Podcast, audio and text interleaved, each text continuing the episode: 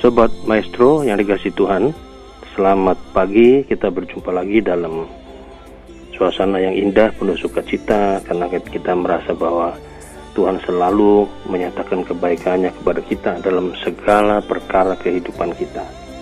Ya, di sini kita merasakan bahwa bahwa Tuhan itu betul-betul indah dalam seluruh kehidupan kita sebagai anak-anaknya. Nah, saudara-saudara, dalam rangka menyambut kebaikan Tuhan itu kita hari ini akan beribadah pada Tuhan lewat acara Maestro Golden Moment. Dan biarlah kita setiap kali berada di alam acara ini kita mengarahkan hati kita terutama kepada Tuhan. Itu yang paling penting supaya apa yang kita alami sepanjang acara ini itu benar-benar berkenan kepada Tuhan. Dan acara ini mem sungguh memberkati kita.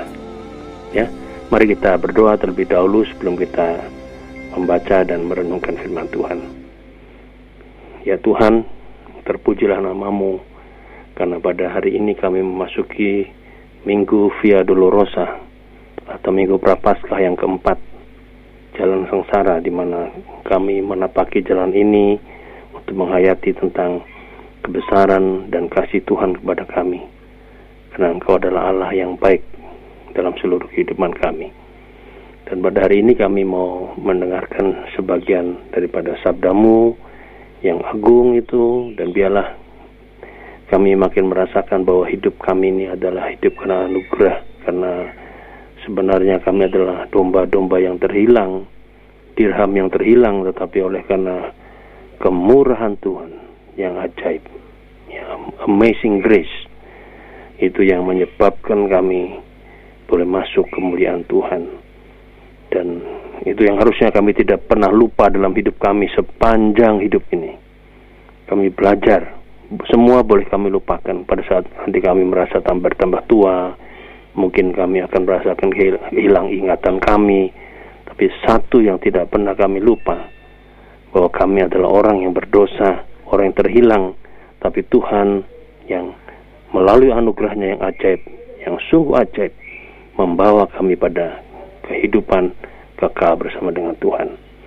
Berkati hambamu, berkati kami semua, roh kudus hadir, menolong kami sehingga semua yang boleh kami alami pada hari ini memberkati kami dan kami belajar juga memberkati orang lain karena hidup ini adalah sebuah kesempatan yang baik untuk kami memberkati orang lain. Kami berdoa buat Mas Ari, juga Saudara Gideon, nanti juga mungkin Stefanus yang akan bersama-sama kami sepanjang acara ini sampai pukul 12 nanti biarlah mereka diberi kekuatan, kesehatan dan semua karunia yang melengkapi mereka dengan baik untuk boleh melayani Tuhan dalam acara ini. Bersabdalah ya Tuhan, kami bersedia mendengarkannya dalam nama Tuhan Yesus kami berdoa. Amin. Saudara-saudara kita akan bersama-sama membaca Injil Lukas pasal 15 ayat 1 sampai dengan ayat yang ke-10. Ya, sebetulnya ini sampai ayat 32 tapi terlalu panjang karena ada perumpamaan anak yang hilang juga di sana. Ya, tapi intinya sama. Perumpamaan tentang domba yang hilang. Para pemungut cukai dan orang-orang berdosa biasanya datang kepada Yesus untuk mendengarkan dia. Maka bersungut-sungutlah orang-orang Farisi dan ahli-ahli Taurat katanya. Ia menerima orang-orang berdosa dan makan bersama-sama dengan mereka. Lalu ia mengatakan perumpamaan ini kepada mereka. Siapakah di antara kamu yang mempunyai seratus ekor domba, dan jikalau ia kehilangan seekor di antaranya, tidak meninggalkan yang sembilan puluh sembilan ekor di padang gurun dan pergi mencari yang sesat itu sampai ia menemukannya. Dan kalau ia telah menemukannya, ia meletakkannya di atas bahunya dengan gembira. Dan setibanya di rumah, ia memanggil sahabat-sahabatnya dan tetangga-tetangganya serta berkata kepada mereka bersukacitalah bersama-sama dengan aku. Sebab dombaku yang hilang itu telah kutemukan. Aku berkata kepadamu demikian juga akan ada sukacita di surga karena satu orang yang berdosa yang bertobat lebih daripada sukacita karena 99 orang yang benar yang tidak memerlukan pertobatan. Perumpamaan tentang dirham yang hilang. Atau perempuan manakah yang mempunyai sepuluh dirham dan jika ia kehilangan satu di antaranya tidak menyalakan pelita dan menyapu rumah serta mencarinya dengan cermat sampai ia menemukannya dan kalau ia telah menemukannya ia memanggil sahabat-sahabat dan tetangga-tetangganya serta berkata bersukacitalah bersama-sama dengan aku sebab dirhamku yang hilang itu telah kutemukan aku berkata kepadamu demikian juga akan ada sukacita pada malaikat-malaikat Allah karena satu orang yang berdosa yang bertobat. Saudara-saudara demikianlah yang kita membaca firman Tuhan ini dan orang yang berbagi tentu orang yang mendengar firman Tuhan dan melakukannya dalam hidup sehari-hari.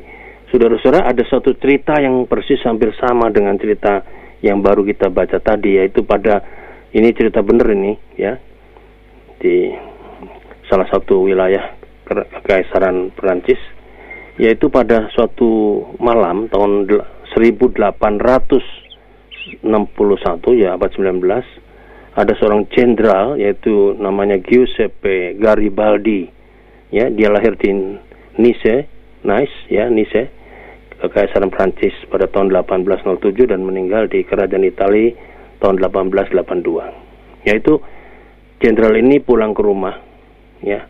Dan ketika di tengah perjalanan dia bertemu dengan seorang gembala Sardinia yang sedang meratapi seekor dombanya yang hilang. Garibaldi, ya, Jenderal Garibaldi segera menoleh kepada staf dan mengumumkan keinginannya untuk menjelajahi gunung itu guna mencari domba yang hilang. Ya. Sebuah tim pencarian yang besar diorganisir, lentera-lentera dibawa, dan jenderal yang sudah malang melintang di banyak pertempuran itu dengan penuh semangat ikut mencari domba yang lari dari kelompoknya itu. Tetapi domba itu tidak kunjung ditemukan. Ya. Sehingga para prajurit diperintahkan kembali ke tenda mereka masing-masing dan tidur. Keesokan harinya, pembantu jenderal mendapati tuannya masih berada di ranjangnya dan tertidur di tendanya itu tertidur dengan lelap. Pelayannya pelayannya terkejut karena tuannya tidak biasa bangun siang. Tetapi selalu bangun lebih dulu daripada orang lain. Dan pelayan itu meninggalkan tuannya yang sedang tidur lelap dengan pelan-pelan agar tidak membangunkannya dan kembali setengah jam kemudian. Ternyata Jenderal Garibaldi masih tidur nyenyak. Setelah beberapa saat tuannya tetap tidak bangun juga, pelayan itu membangunkan Jenderal Garibaldi dan jenderal itu mengusap matanya ya, masih agak sepet matanya gitu, karena masih ngantuk. Dan begitu juga pelayannya ketika melihat jenderal itu mengeluarkan domba yang hilang itu dari selimutnya. Saudara-saudara rupanya sang jenderal itu terus mencari domba itu semalaman sampai berhasil menemukannya. Ya. Nah, ini sebuah cerita yang ada ya tahun 1861 ya mirip lah ya kalau kita melihat itu maka demikian juga sebetulnya Tuhan sebagai gembala yang agung gembala yang sejati ya gembala yang baik yaitu Yesus itu dia datang mencari dombanya yang hilang sampai dia menemukannya dan kitalah yang ditemukannya sebetulnya semua anak-anak Tuhan nah Ya apa apa yang membuat Jenderal Garibaldi itu seperti itu? Ya karena dia memiliki hati yang penuh kasih sayang kepada bukan hanya pada manusia tapi pada juga pada binatang. Nah, saudara-saudara perumpamaan dalam Injil Lukas pasal 15 ayat 1 sampai 10 mengenai domba yang hilang dan dirham yang hilang hendak mengatakan kepada kita bahwa setiap pribadi termasuk saya dan saudara-saudara semua itu adalah orang-orang yang terhilang di dalam keluarga Allah ternyata kita yang terhilang ini mempunyai nilai penting di mata Allah. Oleh sebab itu, Yesus selalu mencari dan menemukan kita. Kasihnya mengalahkan dosa kita. Walaupun kita selalu berbuat dosa, tapi ia tetap mengasihi. Ia mencari dan mendapatkan kita agar supaya kita bisa bertobat dan kembali ke jalan yang benar. Nah, saudara-saudara, Tuhan itu mencari yang hilang sampai hari ini. Kita mungkin bertanya apakah Tuhan masih sanggup mengasihi umatnya? Ya tentu saja sanggup. Ya. dia adalah kekuatan di atas kita. Kalau kita mungkin ya nggak sanggup. Ya, misalnya Jenderal Garibaldi tadi kalau misalnya tiap hari suruh nyari domba itu ya nggak sanggup lah, nggak kuat karena manusia. Tapi Tuhan itu sampai hari ini masih sanggup mengasihi umatnya. Ya. Nah, saudara-saudara pada hari ini tema kita cari atau kita biarkan. Ya. Ternyata Allah cari yang hilang dari keluarga Allah itu. Mengapa Allah yang luar biasa, yang besar itu, yang agung itu mau mencari yang hilang, yang berdosa? Jawabnya karena mengasihi. Karena hakikat Allah adalah kasih. Kalau kita bicara Allah, maka kasih itu sebetulnya ya, hakikatnya. Jadi tiap kali kita bicara Allah, yang ada di kepala kita seharusnya kasih Allah yang besar. Kasihnya besar sehingga pengampunannya juga besar kepada kita. Ya. Dan kita kalau belajar tentang kisah perumpamaan baik domba yang hilang, dirham yang hilang, tapi juga anak yang hilang itu ya, ya kita harus merasa kagum terhadap kasih Allah yang begitu besar, ya. Saudara-saudara saya mau mengingatkan ini yang paling penting dalam titik yang paling penting dalam hidup manusia yang percaya. Saudara-saudara nanti kita kita kita kan tiap hari tiap hari tiap tahun tambah lama tambah tua mungkin suatu saat kita juga banyak kehilangan ingatan. Ya lalu banyak kita ditinggalkan orang. Tapi nggak jadi soal tapi hanya satu yang mesti kita ingat sampai kita mati. Itu apa? Boleh semua kita lupakan tapi satu yang kita ingat. Bahwa saya adalah orang berdosa. Dan Allah yang begitu besar mengasihi kita mengampuni dosa kita. Ya kita punya dosa yang banyak kepada Tuhan, tapi Tuhan selalu mengampuni dosa kita karena kita bertobat pada Tuhan. Nah, saudara-saudara, kalau kita membaca tadi cerita tadi, maka tadi Pak Pak apa Mas Ari juga sudah mengatakan satu dicari, satu di antara seratus, satu di antara sepuluh, ya jumlah yang besar ditinggalkan hanya untuk menemukan kembali jumlah yang sangat kecil. Bukan karena jumlah yang kecil itu lebih berharga dan istimewa, ya. tetapi karena memikirkan nasib mereka yang tersesat dan yang terhilang itu. Ya. Apalagi manusia. Ya, kalau sampai terhilang dari keluarga Allah. Itu yang dipikirkan. Karena membiarkannya berarti menyetujui kebinasaannya. menyetujui kematian kekalnya. Kalau kita membiarkannya, ya, itu berarti kita menyetujui orang-orang itu yang hilang tadi makin terhilang, makin terpuruk, makin jauh dari Tuhan, makin dekat dengan kematian yang kekal, ya, yang tidak tidak masuk pada surga. Dan saudara-saudara bagi Tuhan itu adalah menjadi pantangan terbesar dalam kehidupan manusia ini. Mengapa Tuhan sampai hari ini selalu masih uh, melihat manusia yang berdosa ini kok masih hidup dan segalanya? Itu kan masih ditunggu sama Tuhan untuk pertobatannya. Karena kasihnya begitu besar tadi. Kalau Tuhan mau bermain dengan cara manusiawi, mudah. Begitu orang berdosa satu matikan, satu matikan, satu matikan. Tapi tidak, ditunggu pertobatannya, ditunggu kesadarannya untuk kembali kepada Tuhan. Jangan sampai satu orang itu binasa. Karena bagi Tuhan satu orang bertobat yang masuk kerajaan surga, wah itu sukacita di surga tadi besar sekali. Ya, dan itu diuraikan sampai tiga kali berturut-turut dalam cerita tadi, baik tentang domba yang hilang, dirham yang hilang maupun anak yang hilang. Di bagian akhirnya selalu itu ada sukacita besar di surga satu orang yang bertobat. Ya, Demikian setiap manusia berdosa di mata Tuhan Yesus dan di dalam hati Sang Gembala Agung itu ada hati yang berbelas kasih sehingga tidak jadi masalah bagi Yesus. Sejelek apakah domba yang terhilang, Yesus mengasihi, yaitu hati yang ingin terus mencari sampai dapat. Tidak peduli sesulit apa pun medan yang dihadapinya. Yesus memiliki hati yang rela berkorban demi keselamatan domba kesayangannya. Dan akhirnya pada Yesus juga ada sukacita surgawi saat berhasil memeluk permata hati yang ditemukannya kembali. Karena itu sukacita di surga sangat besar. Nah, saudara-saudara kalau kita jalan hidup ini sering kali dalam hidup kita bersama itu kita kita sering kali kalau ada yang terhilang gitu kita membiarkan. Jadi ada proses pembiaran yang kita lakukan. Biarkanlah, nggak apa-apa satu, nggak apa-apa. Nanti yang lain akan datang di gereja kita. Ya, satu itu adalah orang yang kurang bagus, domba yang nakal, domba yang jahat, domba yang jelek, ya biarkan aja lah. Nggak bisa nggak nggak bisa jadi anggota keluarga gereja pun nggak jadi masalah. Nanti Tuhan akan hadirkan domba yang lain. Oh, sudah-sudah Tuhan tidak punya prinsip seperti itu. Ya, jangan-jangan kalau kita menyingkirkan domba-domba yang seperti tadi, mungkin gereja kita juga tidak akan diberkati. Gereja kita akan mengalami kesulitan. Ya, karena itu bukan tujuan Yesus. Ya, adalah pantangan terbesar bagi Tuhan Yesus untuk membiarkan domba sampai kepada jalan kebinasaannya. Justru kita mesti merangkulnya, membinanya, mengedukasinya sampai dia menjadi domba yang benar di mata Tuhan.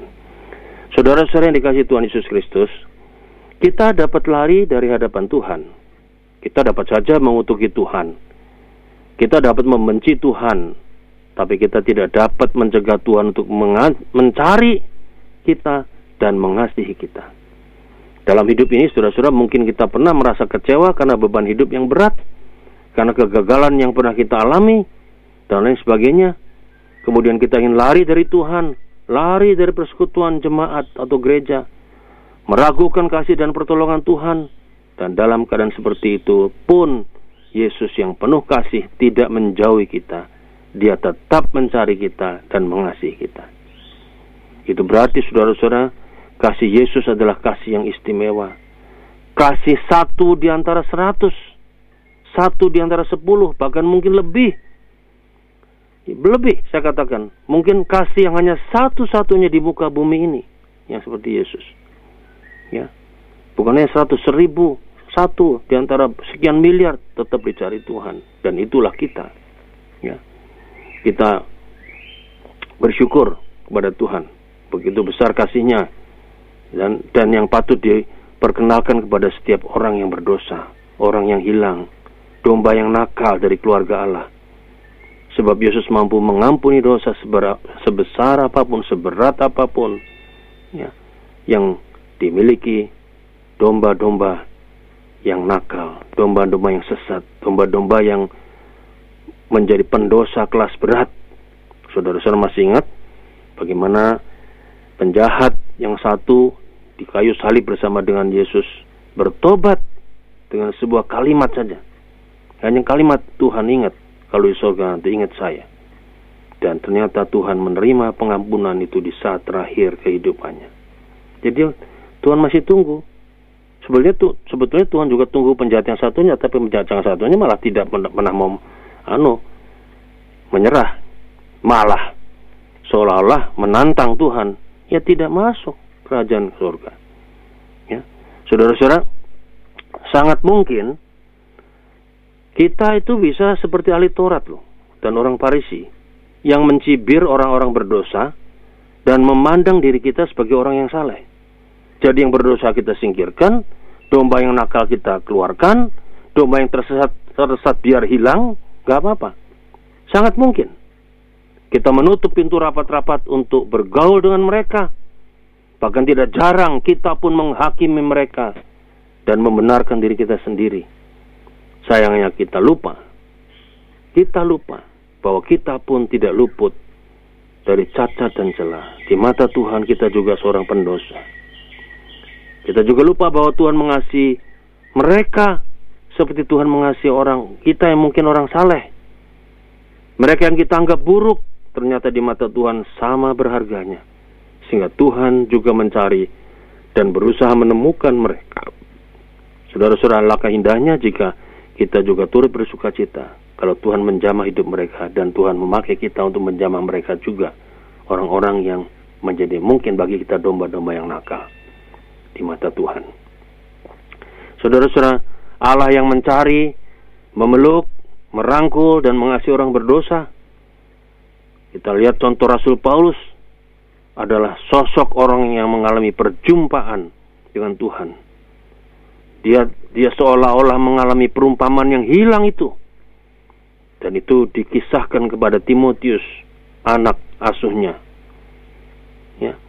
Dia mengatakan, "Aku yang tadinya seorang penghujat dan seorang penganiaya dan seorang ganas, tapi aku telah dikasihinya."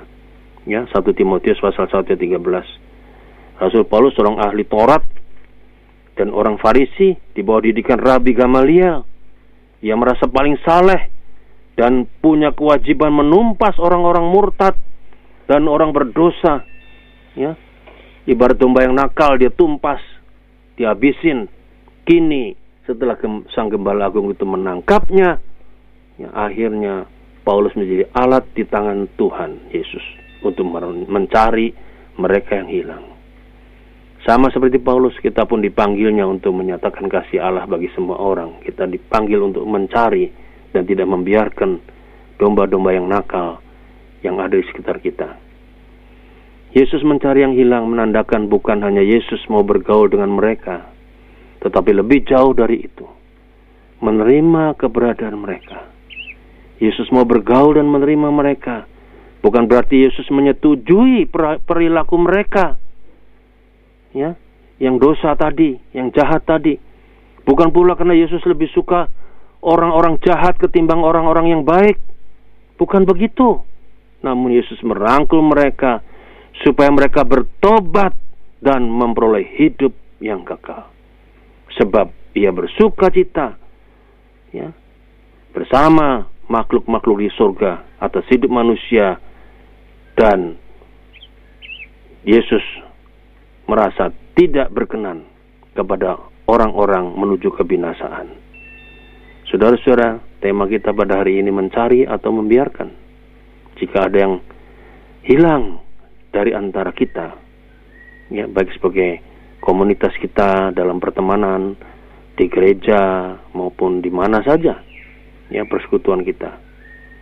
Mungkin saudara-saudara jauh lebih mudah membiarkan orang lain itu menjauh dari Tuhan, biarkan dia hilang, toh cuma satu, ketimbang berusaha meraihnya kembali. Jauh lebih mudah menghakimi orang berdosa ketimbang mengajaknya kembali kepada jalan Tuhan. Namun jauh lebih mulia saudara-saudara apabila kita bersedia dipakainya untuk menjadi sahabat orang berdosa yang menghantar mereka pada pertobatan. Kalau kita tidak mencari, kita akan dikejar oleh Tuhan, dituntut oleh Tuhan, karena Tuhan tidak mengendaki orang yang hilang dari keluarga Allah binasa. Tapi ia mengendaki orang bertobat supaya bisa masuk pada kehidupan kekal. Mari saudara-saudara, kita menjadi pencari-pencari orang yang hilang.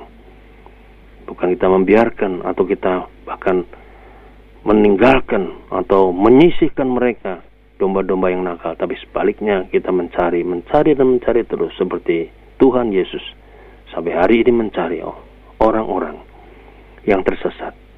Karena prinsip Yesus dia tidak mau kalau orang itu mati, mati dalam kebinasaan.